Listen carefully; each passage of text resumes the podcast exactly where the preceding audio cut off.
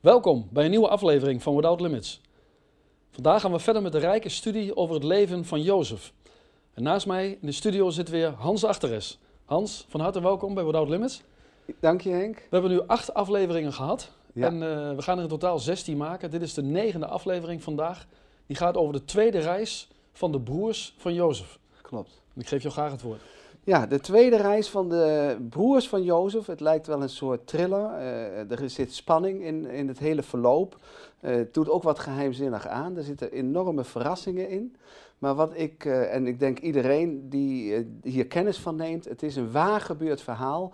Wat vermoedelijk ongeveer 3.500 eh jaar of 4.000 jaar geleden eigenlijk gebeurd is. Ja. En de tien broers van Jozef, ja, die dragen een groot geheim met zich mee. Ze hebben eigenlijk misschien wel met elkaar, het staat er misschien niet, maar het is haast zeker, gezworen om het grote geheim wat, ze, wat zij met zich meedragen, dat Jozef eh, nog leeft. Hij is niet vermoord zoals zij dachten Ja. door een dier en dat ook aan hun vader hebben overgebracht. Maar hij leeft nog. Dit geheim hebben ze nooit in al die jaren, en we zijn ondertussen twintig jaar verder, nooit verteld. Maar God is aan het werk. Ja. Kijk, wij mensen hebben onze gedachten en we kunnen dingen verborgen laten. Maar waar begint het mee?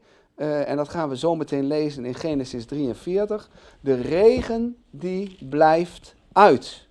Dus om kort te zijn, de hongersnood blijft zich aandienen. En zij moeten dus weer terug naar Egypte. Simeon zit daar al eh, vermoedelijk een half jaar gevangen. En eh, nou, we gaan dat lezen van Genesis 43, vers 1 tot en met 34. Aan jou het woord, Henk. Er staat ook boven de tweede reis van Jozefs broeders naar Egypte. Maar de hongersnood was zwaar in het land. En toen zij het uit Egypte meegebrachte koren verbruikt hadden, zeide hun vader tot hen: Gaat ons weer een weinig voedsel kopen. Toen zeide Juda tot hem: Die man heeft ons uitdrukkelijk verzekerd: Gij zult mijn aangezicht niet zien, tenzij uw broeder bij u is. Wilt gij onze broeder met ons laten gaan, dan zullen wij heen trekken en voedsel voor u kopen. Doch, indien gij hem niet wilt laten gaan, dan zullen wij niet heen trekken, want die man heeft tot ons gezegd: Gij zult mijn aangezicht niet zien, tenzij uw broeder bij u is. Toen zeide Israël: Waarom hebt gij mij kwaad aangedaan, door die man mee te delen dat gij nog een broeder hebt? Daarop zeiden zij: Die man heeft ons nauwkeurig ondervraagd over onszelf en onze maagschap. Leeft uw vader nog? Hebt gij nog een broeder? En wij hebben hem naar waarheid meegedeeld. Konden wij soms weten dat hij zou zeggen: Brengt uw broeder mee. En Juda zeide tot zijn vader Israël: Laat de jongen toch met mij meegaan. Dan zullen wij ons gereed maken en op reis gaan, opdat wij in het leven mogen blijven en niet sterven, zowel wij als gij en onze kinderen. Ik blijf borg voor hem. Van mijn hand moogt gij hem eisen. Indien ik hem niet tot u breng, voor u stel, dan mogen ik te alle tijden tegenover u als een schuldige staan. Hadden wij niet getalmd, dan zouden wij zeker al tweemaal terug zijn. Toen zeide hun vader Israël tot hen: Indien het zo gesteld is, doe dan dit. Neemt het fijnste des lands in uw zakken en breng die man een geschenk: een weinig balsem en een weinig honing, gom en hars, terpentijnnoten en amandelen. En neem dubbel geld mee. Ook het geld dat boven in uw zakken gelegd was, moet gij terugbrengen. Misschien was het een vergissing. En neemt uw broeder mee, maak uw reis vaardig en keer terug tot die man. En God de Almachtige geef u barmhartigheid voor het aangezicht van die man, opdat hij bij uw andere broeder laten gaan. Opdat hij uw andere broeder laten gaan, als ook Benjamin. En wat mij aangaat, als ik van mijn kinderen beroofd moet worden, dan word ik beroofd. Toen namen de mannen dat geschenk en zij namen dubbel geld mee, benevens Benjamin. Zij maakten zich reisvaardig, trokken naar Egypte en stonden voor het aangezicht van Jozef. Toen Jozef Benjamin bij hen zag, zeide hij tot zijn bestuurders, tot zijn huisbestuurders: Breng deze mannen in huis en slacht slagvee en bereid het, want hedenmiddag zullen deze mannen met mij eten. En de man deed zoals Jozef gezegd had en bracht hen in Jozefs huis. De mannen werden bevreesd toen zij naar Jozefs huis gebracht werden en zeiden: Wij worden hier gebracht vanwege het geld dat de eerste maal in ons zakken is teruggekomen. Om ons te overrompelen en te overvallen en om ons tot slaven te maken en onze ezels weg te nemen. En zij traden toe op de man die Jozefs huisbestuurder was en spraken tot hem aan de ingang van het huis en ze zeiden, met uw verlof, mijn heer, wij zijn reeds een vorige maal gekomen om voedsel te kopen. En toen wij in het nachtverblijf kwamen en onze zakken openden, daar lag ieders geld boven in zijn zak, ons geld naar zijn volle gewicht. Maar wij hebben het mee teruggebracht. En ander geld hebben we meegenomen om voedsel te kopen. Wij weten niet wie ons geld in onze zakken gelegd heeft. Doch hij zeide: Wees gerust, vrees niet. De God van u en uw vader heeft u heimelijk een schat in uw zakken gegeven. Uw geld heb ik ontvangen. Vervolgens bracht hij Simeon bij hen terug. Toen die man hen in Jozefs huis gebracht had, gaf hij water om hun voeten te wassen en gaf voeder aan hun ezels. Daarop legden zij het geschenk gereed tegen het ogenblik waarop Jozef in de middag zou komen en zij hadden gehoord dat zij een maaltijd zouden gebruiken. Toen Jozef het huis binnengekomen was, brachten zij het geschenk dat zij bij zich hadden bij hem binnen en zij bogen zich voor hem ter aarde. Daarop vroeg hij hen naar hun welstand en zeide: Is het wel met uw oude vader over wie gij gesproken hebt? Leeft hij nog? En ze zeiden: Het is wel met uw knecht onze vader. Hij leeft nog. Daarop knielden zij en bogen zich neder. Toen hij zijn ogen opsloeg, zag hij zijn broeder Benjamin, de zoon zijner moeder, en zeide: Is dit uw jongste broeder, over wie gij op mij gesproken hebt? En hij zeide: God zij u genadig, mijn zoon. Toen haastte Jozef zich weg, want zijn hart ging in ontroering uit naar zijn broeder. En hij zocht gelegenheid om te wenen. En hij trad een kamer binnen en weende daar. Daarna wies hij zijn gelaat en trad naar buiten, bedwong zichzelf en zeide: Dient het maal op. Toen dienden zij het op, voor hem afzonderlijk, en voor hen afzonderlijk, en voor de Egyptenaren die met hem waren en die met hem aten afzonderlijk. De Egyptenaren toch mogen geen maaltijd gebruiken met de Hebreeën, want dat is voor de Egyptenaren een gruwel. En ze zaten voor zijn aangezicht, de eerstgeborene na zijn eerstgeboorte en de jongste na zijn jeugd, zodat de mannen elkaar verbaasd aanzagen. En men bracht hun van de gerechten die voor hen stonden, en het gerecht voor Benjamin was vijfmaal zo groot als het gerecht van ieder hunner. Zij, zo dronken zij en werden dronken met hem. Ja, dat was eigenlijk uh, wat je ook daarin leest, een dilemma, een kloof tussen Jacob, uh, dus de vader, en dus zijn eigen zonen uh, en de broers ten opzichte van Jacob. Want ze zitten eigenlijk met een moeilijkheid. Zij willen dus dat Benjamin meegaat, dat moest. Ja. En Jacob die zegt van, nou dat gebeurt niet, want dat is het kostbaarste wat ik heb. Dat is inderdaad mijn lievelingszoon. Maar het was een, toch van Jozef een must om te zeggen van, ik wil kijken als jullie eerlijke lieden zijn. Jullie zeggen dat jullie eerlijke lieden zijn. Je zegt dat je nog een, uh, een broertje hebt. Nou, akkoord, als jullie dan de tweede keer komen, dan wil ik dat broertje ook zien. Dus hij zei, ik toets jullie. Ja. En daar had Jacob, wat die man ook zei, moeite mee. En ze hadden voorlopig natuurlijk nog genoeg te eten. Ja, en dan staat er, wilt gij onze broeder met ons laten gaan, dus Benjamin, dan zullen wij heen trekken en voedsel voor u kopen, want die hongersnood diende zich aan. Doch indien gij hem niet wilt laten gaan, dan zullen wij niet heen trekken, want die man heeft ons gezegd, gij zult mijn aangezicht niet zien, tenzij uw broeder bij u is. Toen zei Israël Jacob, waarom hebt gij mij kwaad aangedaan, et cetera. Nou, in ieder geval, ja, hier zie je, het draait inderdaad om Benjamin. Ja. En als we naar die Benjamin kijken, hè, want, want waarom wil Jacob geen afstand doen van Benjamin? Hij had hem lief, had je al gezegd.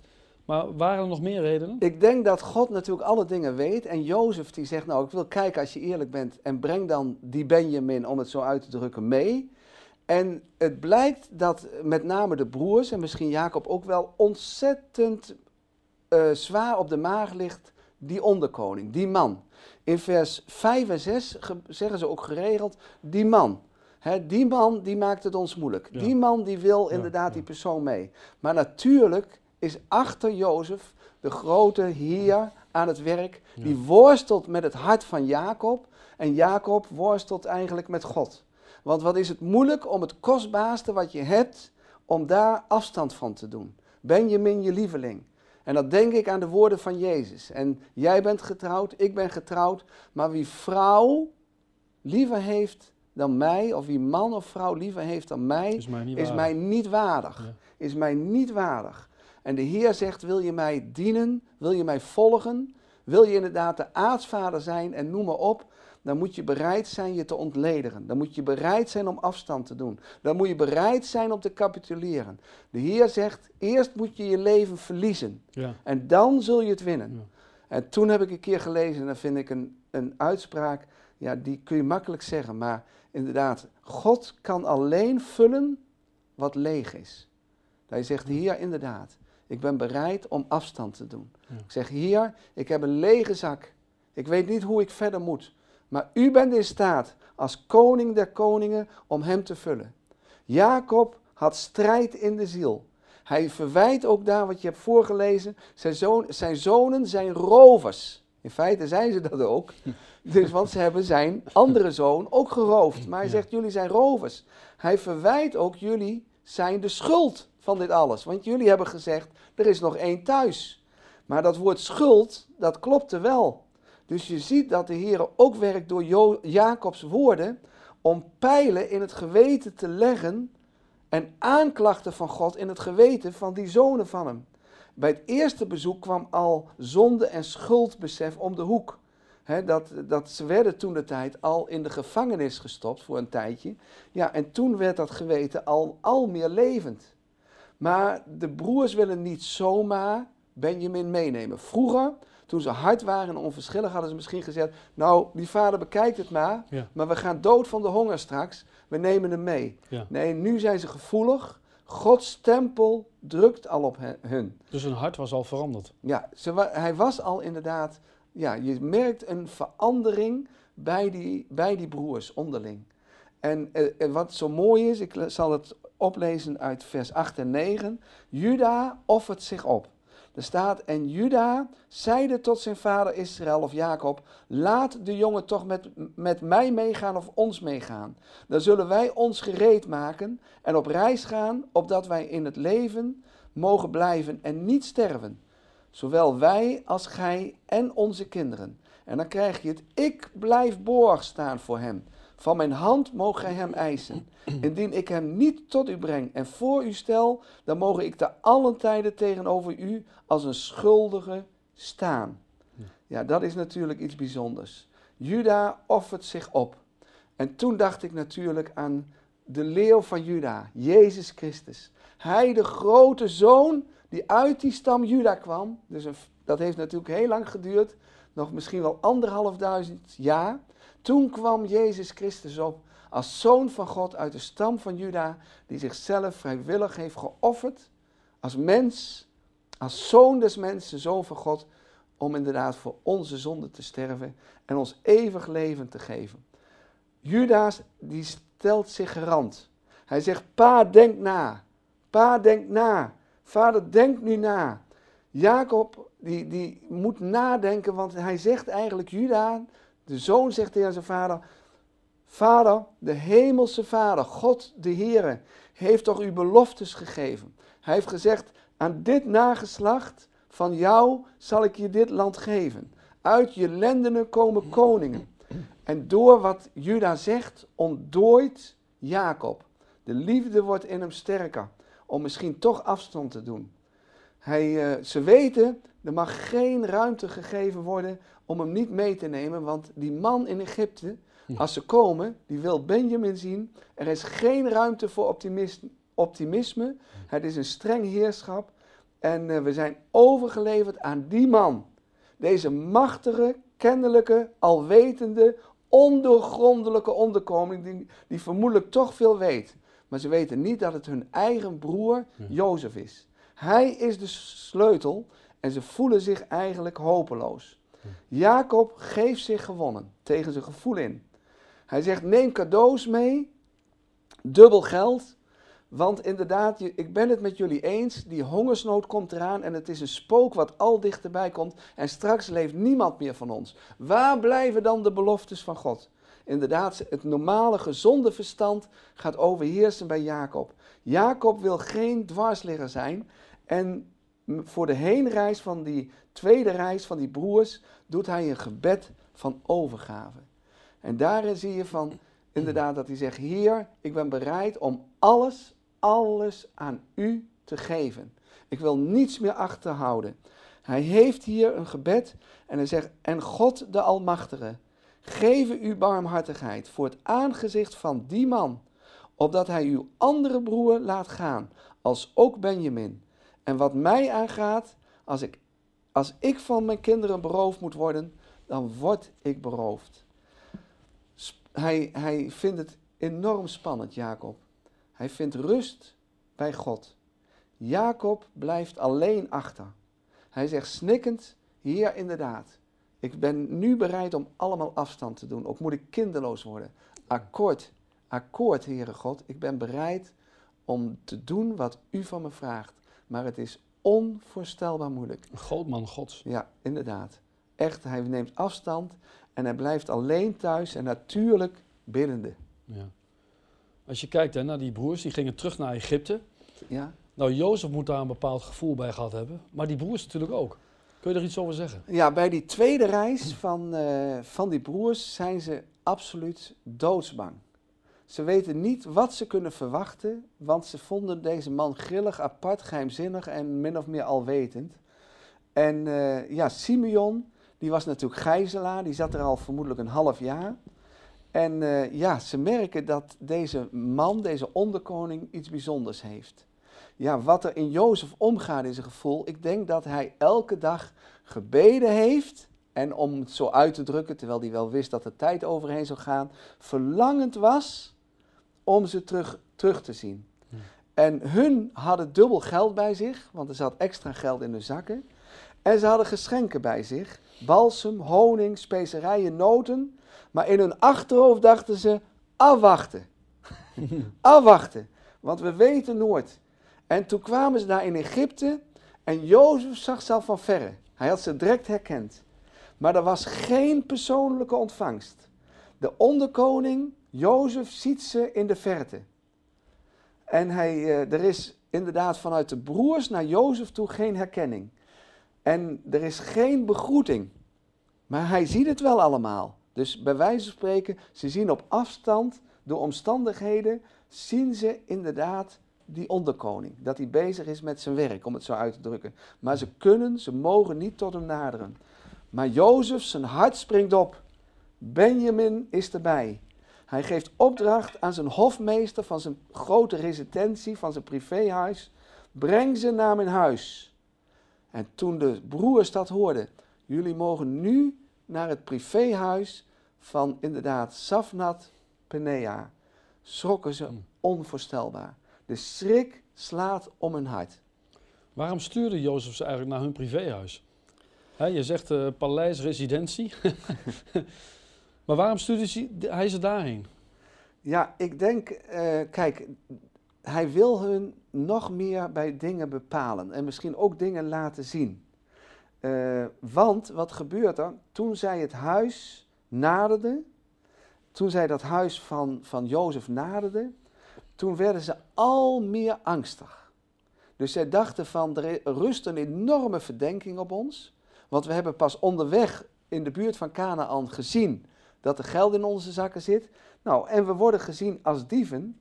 En ze zijn dus aangeslagen en naarmate ze dat huis naderen, worden ze innerlijk wanhopig. Ze worden misschien wel begeleid door nog andere Egyptenaren, dat weten we niet, maar vermoedelijk. En ze zijn argwanend en ze zijn verschrikt en ze voelen zich totaal niet op hun gemak.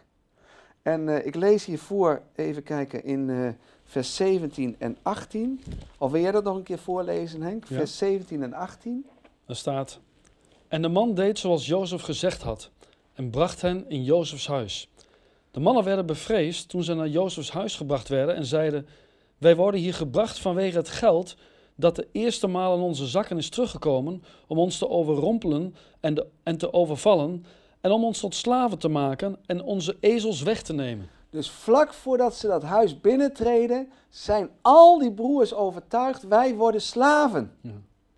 Dus dat moet iets te maken hebben dat God door hun geweten, gedachten, onder bewustzijn spreekt. Want er is maar één van hun als slaaf verkocht. Ja. Dus zij denken, wij worden ook slaven. Ja. Wat je zaait, zul je oogsten. Ja, dat, zul je, dat, dat gebeurt. Wat je zaait, zul, zul je oogsten. En vlak voor de deur, wanneer ze binnenstappen, doen ze een beroep op deze, om het zo uit te drukken, hofmeester. Ze zeggen, het is een vergissing dat dat geld in de zakken zat. U krijgt het nu allemaal terug. Ze zijn super nederig. Ja. En ze zeggen, En het is een misverstand. En onvoorstelbaar angstig. Ja. Ze denken, hier komen we nooit meer uit. En ze hebben een wantrouwen, want vanaf het begin dat ze horen naar het privéhuis, denken ze: hé, hey, we gaan niet naar koren schuren, want we komen gewoon voor koren. Dan worden we even gebracht naar dat huis. En die man is al bijzonder. En moet je kijken hoe we eruit zien als nomaden, als tentbewoners. We stinken. en we komen daar de, moet je kijken wat voor een huis. Wat voor banken, wat voor zetels en wat voor dienaren. Wij zijn verachtelijke veehouders. En zo werden ze ook gezien. Dus zij voelden innerlijk de pijlen van God op hun leven neerkomen. Maar ja, wat gebeurt er? Ze zien dus eigenlijk iets bijzonders. Ze gaan iets bijzonders bemerken, want uh, het, de, ze zullen het middagmaal gaan vieren met Sa Savinat Paneach, de onderkoning. Ja, en dan gaat de huismeester hun geruststellen. Ja. Ik, ik, ik, ja, in vers 23, dat, dat vind ik nog wel bijzonder, daar staat, vervolgens bracht hij Simeon bij hen terug. Maar verder lees je er eigenlijk niks over. Maar dat moet toch iets heel bijzonders geweest zijn, want uh, ja, Simeon was vele maanden, vele maanden in gevangenschap. Ja, absoluut. Hè? Hoe was dat weerzien Ja. tussen hun? Nou, ik denk allereerst, kijk, vanaf het moment dat ze argwaan hebben, zegt die huismeester van, je krijgt een middagmaal. Eh, Simeon komt uit de gevangenis, dat weerzien is toch bijzonder. En Simeon die zegt gewoon, echt waar, ik heb een goede tijd gehad. Ze hebben me mild behandeld, Ja. het was prima hier. Zij mochten zichzelf, die broers, verfrissen, verschonen, reinigen. Ze kregen voedsel voor de ezels. En straks kregen ze lekker eten en nu koffie en thee. En eh, nou, dat is gewoon verbazing. Dus ze zijn verbaasd. Ze worden helemaal niet als slaven inderdaad binnengehaald. En daarin is Jozef, want straks gaan ze samen eten, een type van Jezus. Jezus heeft gezegd, zalig degene die met, met, met mij het bruiloftsmaal viert. En eh, dat is ja, de shalom-gedachte. Maar inderdaad, ook rampzalig als je niet uitgenodigd bent. Daarom moet je weten, is mijn paspoort getekend door het bloed van Jezus Christus? Hm. Hè, eh, ik, ik zong zondag nog, mag ik bij hem binnengaan, voor zijn troon gaan staan, hef ik daar mijn loflied aan, Jezus leeft in eeuwigheid, zijn shalom wordt werkelijkheid, alle dingen maakt hij nieuw, hij is de Heer van mijn leven. Hm. Nou, en dat geld, zegt die man ook nog, moet je zien als een goddelijk geschenk. Ja. Geen probleem. Ja. Dus eh, dan komt Jozef. Hij is gewoon heel vriendelijk. En eh, Benjamin denkt, hé, hey, wat een prachtmens. Ja, Benjamin snapte niks van, want hij zeide steeds, nou, het is een verschrikking, die man. Een streng heerschap. En hij komt binnen en eh, nou, ze knielen inderdaad voor hem. En ze buigen voor hem en ze geven hem eerst geschenken. En eh, ja, Jozef heeft natuurlijk weer gedacht aan zijn fraaie mantel, de korenschoof en eh, aan de zon, maan en sterren. Maar als jij honger hebt, wat zegt die zon? Wat zegt die maan? Wat zegt die sterren? Dan heb je alleen maar behoefte aan brood en eten. Ja. Ze- Zelfs de zon en de maan en de sterren zullen voor je buigen. Want hij, die onderkoning, is de voorziener. Ja, dat blijft natuurlijk toch bijzonder. En terwijl ze geknield zijn, terwijl ze geknield zijn, buigt ook Jozef het hoofd. Hij heeft zijn ogen dicht. Hij is in gedachten verzonken. Iedereen, iedere broer is daar. Hij denkt aan Jacob, aan Rachel. Zijn bloed, eigen broer is voortgekomen uit, ja, uit Rachel. De emotie wordt hem te sterk eigenlijk. Hij wordt ontroerd. Het is adembenemend. Misschien dat zijn darmen zelfs nog in beweging komen. Hij vraagt nog, hoe is het met Jacob, naar de welstand van hem. En opnieuw buigen ze zich weer voor de tweede keer voor hem. De tranen die hij toch heeft, zien ze niet. Maar na de tweede keer, ja, wordt hij vol emotie. Hij, hij, nadat hij zijn ogen dicht heeft gedaan en allerlei dingen door hem heen gaan, kijkt hij naar Benjamin en daar heb je twee ogen ten opzichte van twee ogen. En Benjamin denkt één ding, laat me leven. Laat me hmm. straks weer mijn vader zien. Maar dan zegt hij, hij legt bij wijze van spreken de hand op Benjamin. God zij je genadig, mijn zoon. En hij, Jozef, wordt super ontroerd. Hij kan niet meer tegen de situatie op. Hij zondert zich af heel snel. Hij moet de tranen gaan over zijn wangen, zijn hele gezicht zit eronder. Hij herstelt zich buiten het zicht van iedereen en hij komt weer tevoorschijn met een gewassen gezicht. En dan, inderdaad, laat hij iedere broer van hem in rangorde van leeftijd zitten. Ruben eerst, Simeon, Levi, Juda. Maar wel gescheiden, de Egyptenaren en hij daar en hier de broers. Er zijn nog breuklijnen, er is nog geen verzoening. Er is geen brood, maar vlees en wijn. Ja, dus hij geeft ze overvloed. Die broers die moeten toch ook verbaasd geweest zijn dat ze allemaal precies op volgorde zaten. Ja, ze waren helemaal verrast. Ze denken van, eh, dus weer iets, wat is hier aan de hand? Ja.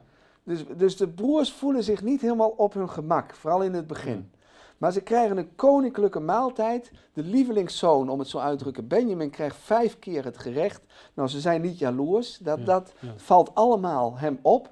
En ze zijn opgelucht. Er is, uh, ze raken al meer opgelucht. Er is overvloed, want als jij hongersnood hebt gehad, alleen maar een beetje brood gehad hebt, en je krijgt vlees en wijn, en ze worden al vrolijker. Ze voelen zich verkwikt op een gegeven moment en verzadigd. En ze denken, het lijkt wel een droom. Ja. Laat hier Jacob op dit moment die ze hierbij gezeten hebben, onze vader. Moet eens kijken hoe goed we het hebben. Zie je wel, zelfs Jozef is vriendelijk en liefdevol. We zijn geen spionnen. Dan wil ik nog even voorlezen het volgende. Jozef, een type van Jezus Christus. En dan staat er vriendelijkheid. Jozef, Genesis 43, vers 16. Jozef zei tegen zijn huismeester: Breng de mannen naar mijn huis, maak een maaltijd gereed, want ze eten vanmiddag van mij. Of bij mij. Jezus zei in Marcus 6: Daarom zei Jezus tegen hen, zijn discipelen: Kom, laten wij ergens naartoe gaan om te eten